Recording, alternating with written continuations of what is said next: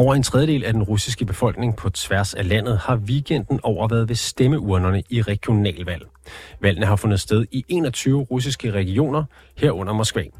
Det har været omdiskuteret om valgene overhovedet skulle afholdes på grund af krigen i Ukraine og undtagelsestilstanden i flere russiske regioner. Hvordan bruger russerne lokalvalgene til at udvise utilfredshed med deres levevilkår? Hvilken rolle spiller valgene i de besatte dele af Ukraine? Og hvordan slipper man egentlig afsted med at være et oppositionsparti i et land som Rusland? Du lytter til konfliktzonen, hvor vi i dag ser nærmere på de russiske lokalvalg. Mit navn er Oliver Bernsen.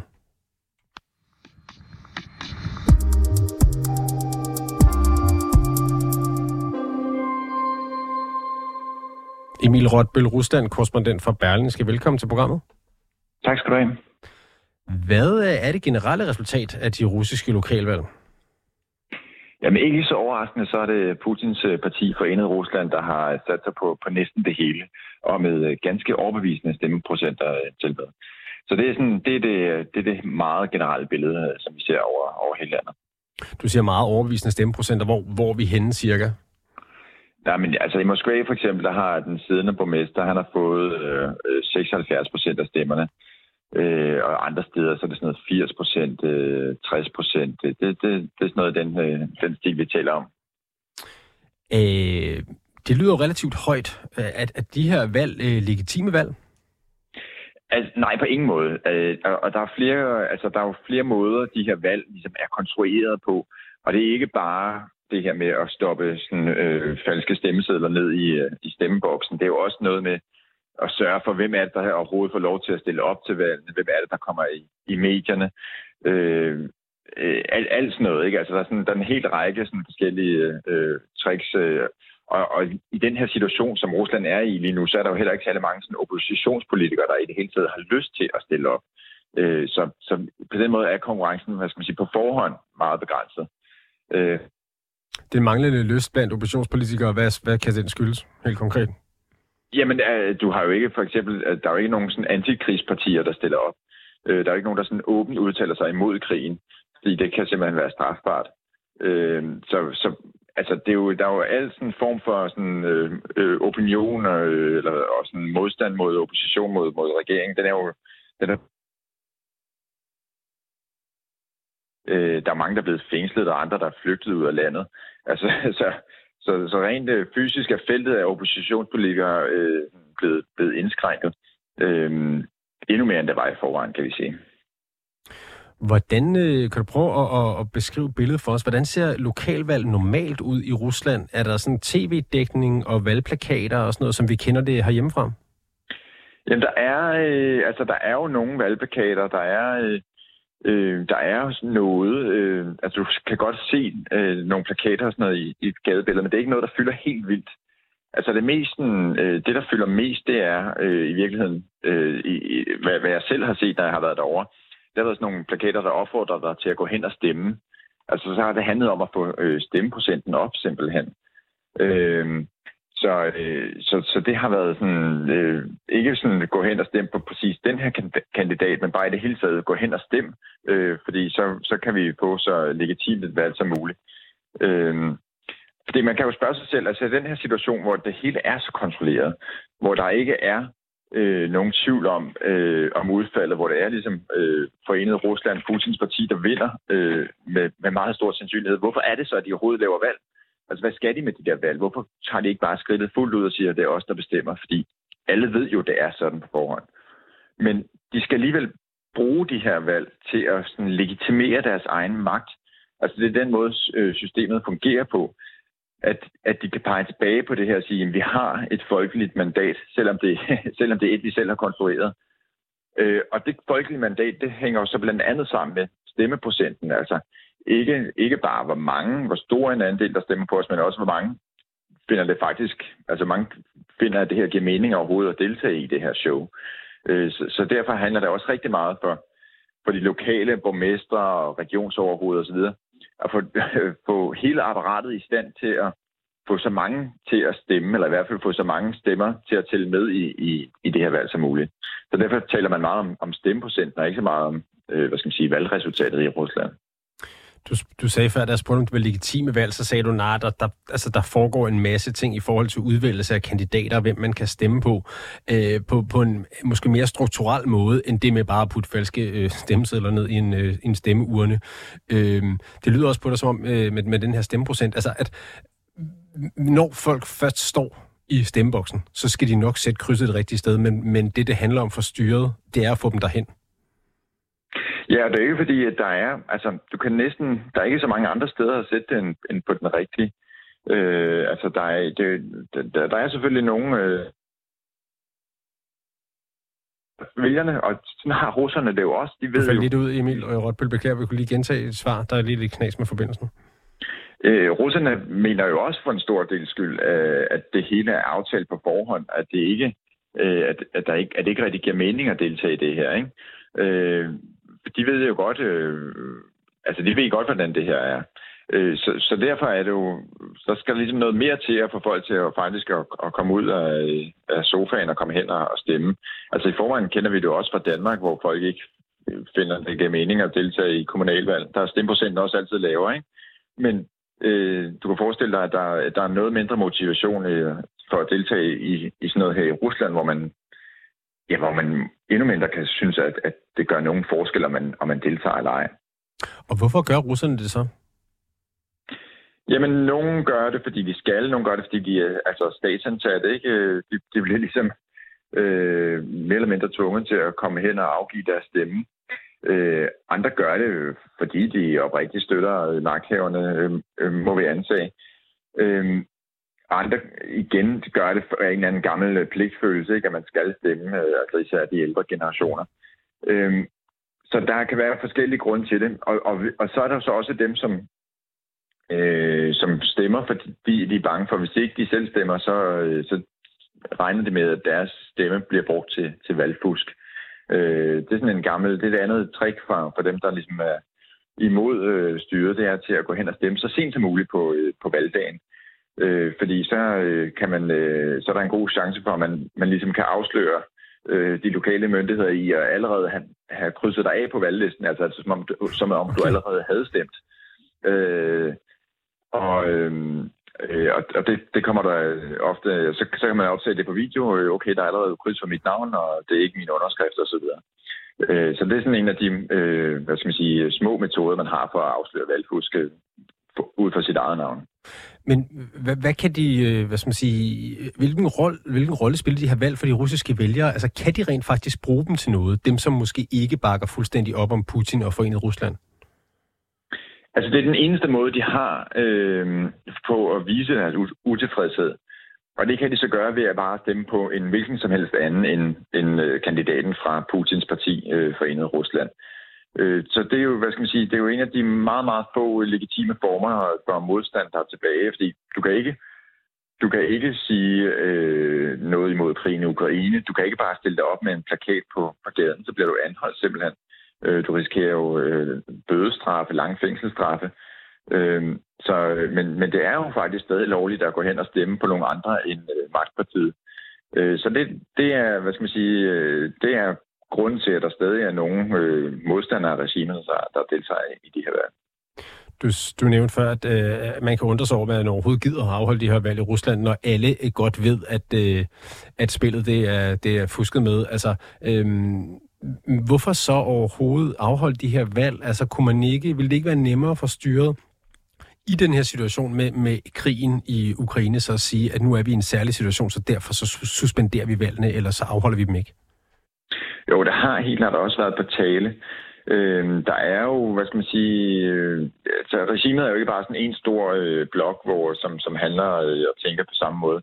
Der er sådan forskellige fraktioner øh, i Putins styre, hvor der helt klart er en del af dem, hvad skal man sige, øh, øh, af magtapparatet, af dem, der står for sikkerhedstjenester osv., de har, de har klart øh, talt for, at man skulle udskyde valgene. Fordi der er jo en form for, altså der er jo en usikkerhed, ikke? Altså når man faktisk giver øh, stemme til folket, selvom det er en stærkt begrænset stemme, så risikerer man jo, at de siger noget, man ikke bryder sig om. Øh, men samtidig så har vi en, en anden del af apparatet, som netop øh, øh drager sin legitimitet fra det her valg. Altså de får simpelthen deres mandat øh, fra folket ved de her valg, selvom det er øh, alt andet end, end legitime og færre valg. Så de har brug for dem øh, for, altså, for ligesom at kunne blive ved med at, at, at kalde sig selv legitime magthavere. Øh, en anden ting af det, det har også været, der har også været valg i de her øh, annekterede regioner i, øh, i Ukraine, de her fire regioner, som Rusland nu kalder sine egne. Og der har, der har jo været valg til sådan nogle lokalparlamenter. Øh, og det er jo en måde, når man afholder valg, så er det jo, og selvom det er fuld af fusk og, og snyd, så er det jo en måde stadig at binde de her regioner tættere til, til Rusland. Det er ligesom en måde at legitimere sin egen magtovertagelse. Så det har også været en, et vigtigt formål med de her lokalvalg i, i sig selv. I efter har været afholdt lokalvalg i Donetsk, Luhansk, øh, Zaporizhzhia og Kherson. Øh, hvad siger resultaterne derfra? Jamen, øh, jeg har ikke set øh, resultaterne for alle sammen, men det er lige noget at se her til morgen, det var, at, øh, at der er mere, altså, øh, ja, ja, som, som jeg lige husker det, så var der øh, stort flertal til, til, til magtpartiet til Forenet Rusland. Det er noget med 70 procent, bliver der meldt om i de fire øh, regioner der. Øhm, og hvor meget kan vi stole på det, tror du? Det kan vi slet ikke stole på, altså overhovedet. Øh, der var allerede øh, meldinger, øh, da, da valgstederne åbnede i fredag, så var der allerede meldinger om, at i nogle regioner, så var det mere end 50 procent af vælgerne, som havde ligesom, øh, brevstemt øh, på forhånd. Altså, øh, det er jo, og det er jo nogle helt vanvittige tal. Øh, så, så når man bare ser på, sådan, hvornår, øh, altså på, på udviklingen i stemmeprocent, hvornår folk skulle afgive deres stemme, øh, så er der noget, der, der lugter meget mistænkeligt. Øh, og når man så dertil lægger alle de andre ting om, hvem har fået lov til at stille op, og hvem får lov til at stemme osv., øh, så, så kan vi jo ikke, øh, altså, nej, ja, så, så, så, er det jo ikke, så er det ikke et udtryk for, hvad folk faktisk øh, tænker i de regioner. Emil Rotbøl, Rusland, korrespondent for Berlingske. Mange tak, fordi du var med. Ja, selv tak.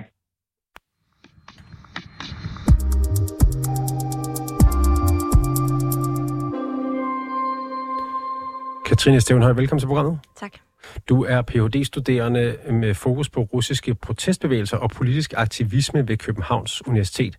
Og øh, sammen med dig, så skal vi prøve at se lidt nærmere på de partier, som forsøger at trække Rusland i en anden retning end Forenet Rusland og, øh, og præsident Putin. Øh, hvordan står den op- øh, russiske opposition i forhold til de her lokalvalg? Hvis man siger først og fremmest, når man taler om opposition i Rusland, så er det virkelig vigtigt at skelne mellem den såkaldte systemiske opposition og den ikke-systemiske opposition.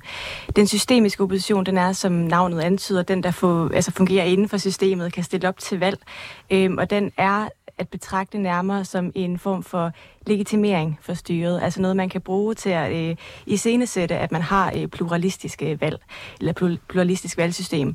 Den ikke-systemiske opposition, det er den, der ofte bliver øh, forhindret i at stille op med sine kandidater, ikke kan registrere parti, og øh, nu i stigende grad også bare sidder i fængsel eller sidder i udlandet i eksil. Øh, man kan så sige, at der er nogle oppositionspartier inden for den ikke-systemiske opposition, som har forsøgt at, at, at stille op og faktisk få, få noget medvind af sådan et parti som Kommunistpartiet, øh, som også ser ud til, nu har jeg lige kigget på resultaterne, ser ud til at have vundet no- nogle steder.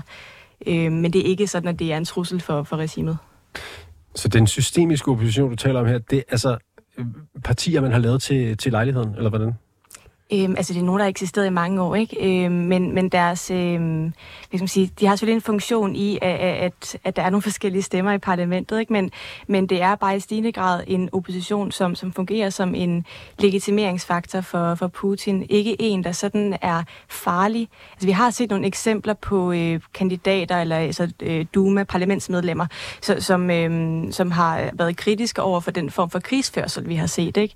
Ikke sådan, at de vil have mindre krig, men de vil have mere krig. Eller, altså, så der har været nogle andre stemmer, der har, der har rykket en lille smule øh, og troet øh, Putin en lille smule. Men det er aldrig sådan, at øh, det kunne være et alternativ øh, til, til ham i Kreml.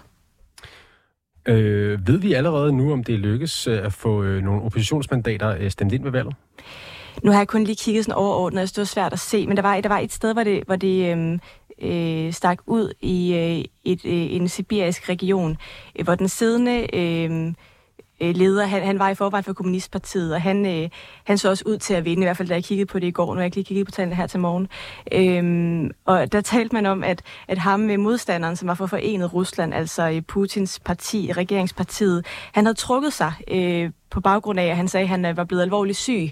Der var så nogle kritikere, der sagde, at han havde trukket sig, fordi at han var bange for at tabe til ham af kommunist. Øh, lederen. Øhm, men man kan sige, ja, der er nogle enkelte steder, hvor der er nogen, der har lykkes med at vinde, men det er ikke sådan, at der er nogen fra den ægte opposition, der, der har fået noget, øh, noget skud sagt.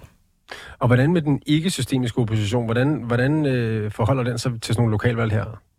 Jamen enormt kritisk. Øhm, altså, de har primært kommunikeret via Twitter og andre kanaler, hvor de faktisk har mulighed for at kommunikere, altså ikke medierne i Rusland. Øhm, og der mange af dem siger, lad være med at gå ind og stemme øhm, fordi så legitimerer du valget. Øhm, så er der en, en organisation som Golos, en øh, valgobservationsorganisation, der er ude og altså, kritisere valget, som altså, det er slet ikke et valg. Altså det er helt for, forfejlet hovedet at kalde det det, ikke? Fordi det er både i forhold til, til mediebilledet, det er i forhold til stemmesvindel, øh, det er i forhold til intimidering af de reelle oppositionskandidater, der faktisk lykkes med at stille op. Øhm, så der er slet ikke mulighed for at tale om et, et konkurrencedygtigt valg.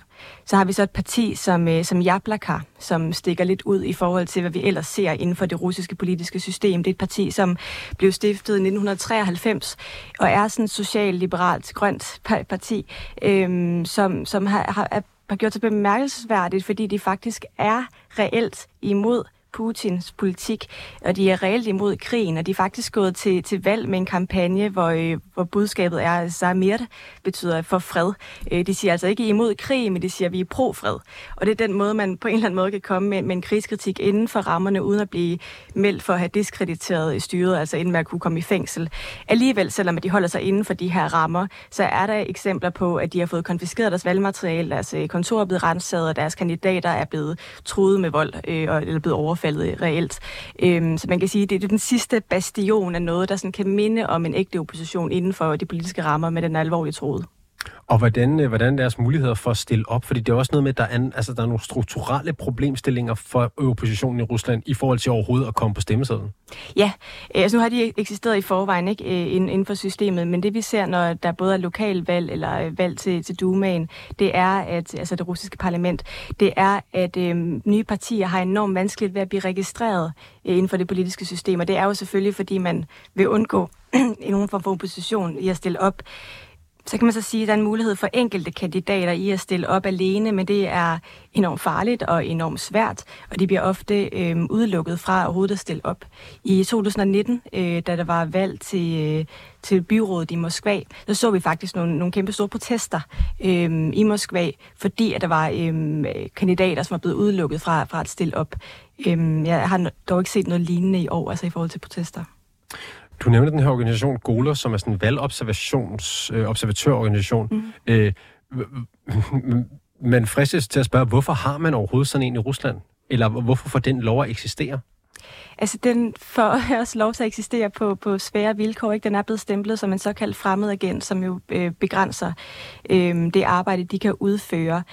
Man kan sige, der har jo været forsøg øh, fra det russiske civilsamfunds side, siden altså, øh, Sovjetunionen brød sammen, og siden Putin kom til magten, i at forsøge at skabe et mere demokratisk styre.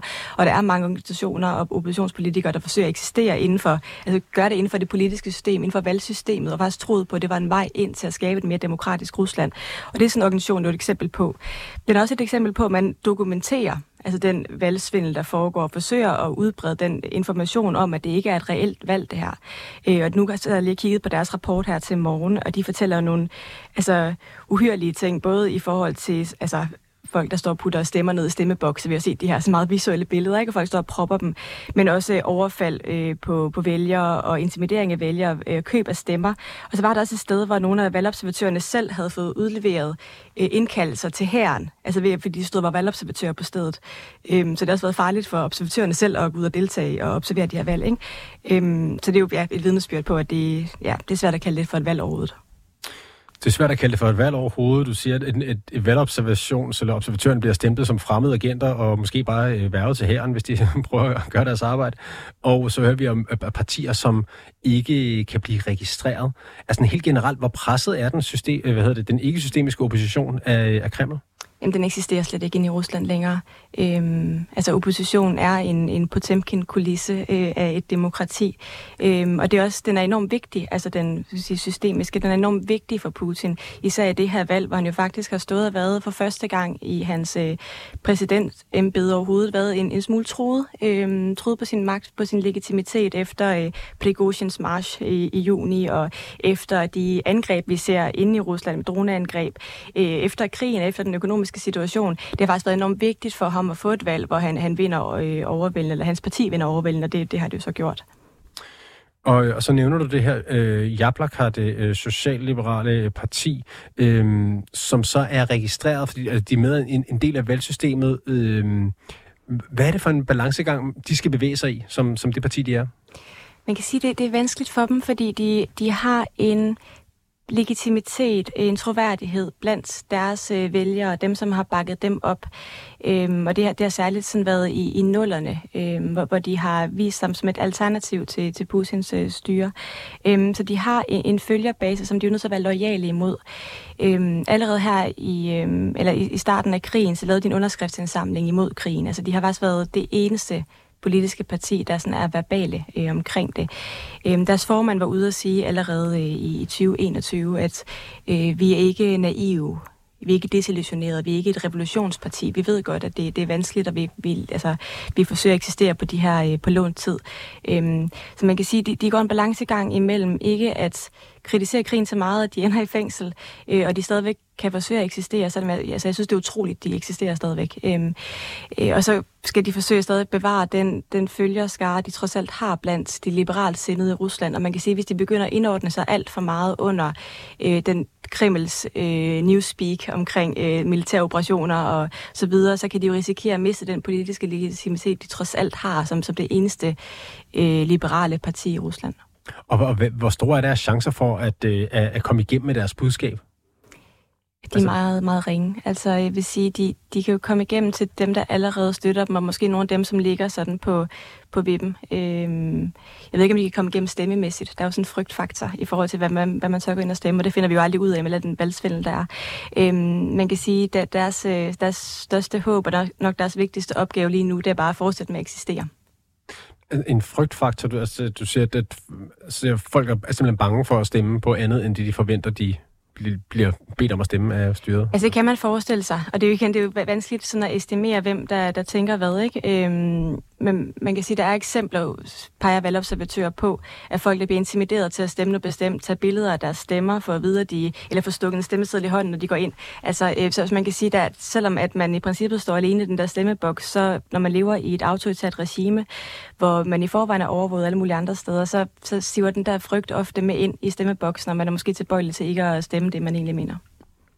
Dem, som så måtte øh, trodse den her frygt og, øh, og stemme på et parti som Jablaka, er deres stemmer spildte? Hvordan, øh, hvordan kommer det her til udtryk? Altså, sige, det, er, det er svært at sige, hvordan noget kommer til udtryk øh, i et valg, hvor, som ikke bliver optalt øh, reelt. Ikke? Øh, hvor mange mandater får de for eksempel? Eller hvad, hvad, hvad, hvad, hvad bliver de her stemmer omsat til i form af indflydelse eller reel politisk magt? Altså det bliver ikke omsat til noget reelt politisk magt. Jeg er lidt usikker på, hvordan det egentlig fungerer. Hvad, hvad man så gør, eller hvor mange stemmer man, man så reelt øh, tildeler dem. Øhm, så det ved jeg faktisk ikke. Er, er, fordi, fordi man ikke ved, om... Altså, fordi det, det er svindel, eller hvad? Altså sidder de bare og, og finder på, nu, nu, nu gætter vi på, at Jablak har fået så så mange stemmer, eller har du byd på det? Ja, jeg, jeg tør faktisk ikke gætte på, hvad, hvad det er, de gør. Øh, jeg vil bare sige, at man kan simpelthen ikke stole på, hvordan de tæller stemmerne op. Øhm, kommer der til at være nogle øh, protester, stemmeprotester eller, eller sådan noget efter de her lokalvalg øh, i, øh, i Rusland, tror du? Altså, jeg har set nogle få, sådan nogle øh, enkelte persons protester, øh, men ikke, øh, efter hvad jeg har set, noget mere omfattende. Øhm, og egentlig så er valg, valghandlinger ofte en grund til protest, protestbevægelser. Gerne nogen, der sådan går på tværs af politiske skæld øh, og på tværs af klasseskæld og regionale skæld. Øh, men det er blevet så vanskeligt at demonstrere i Rusland så farligt, øh, at, at jeg virkelig tvivler på, at vi kommer til at se noget.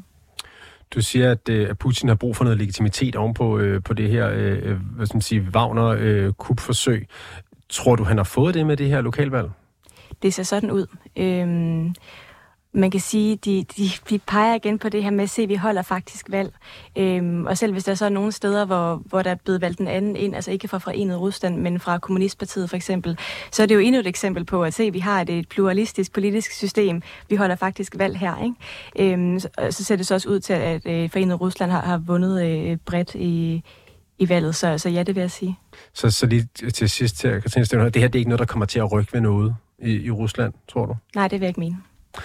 Katrine Stævnhøj, du er phd studerende med fokus på russiske protestbevægelser og politisk aktivisme ved Københavns Universitet. Mange tak, fordi du er med. Tak.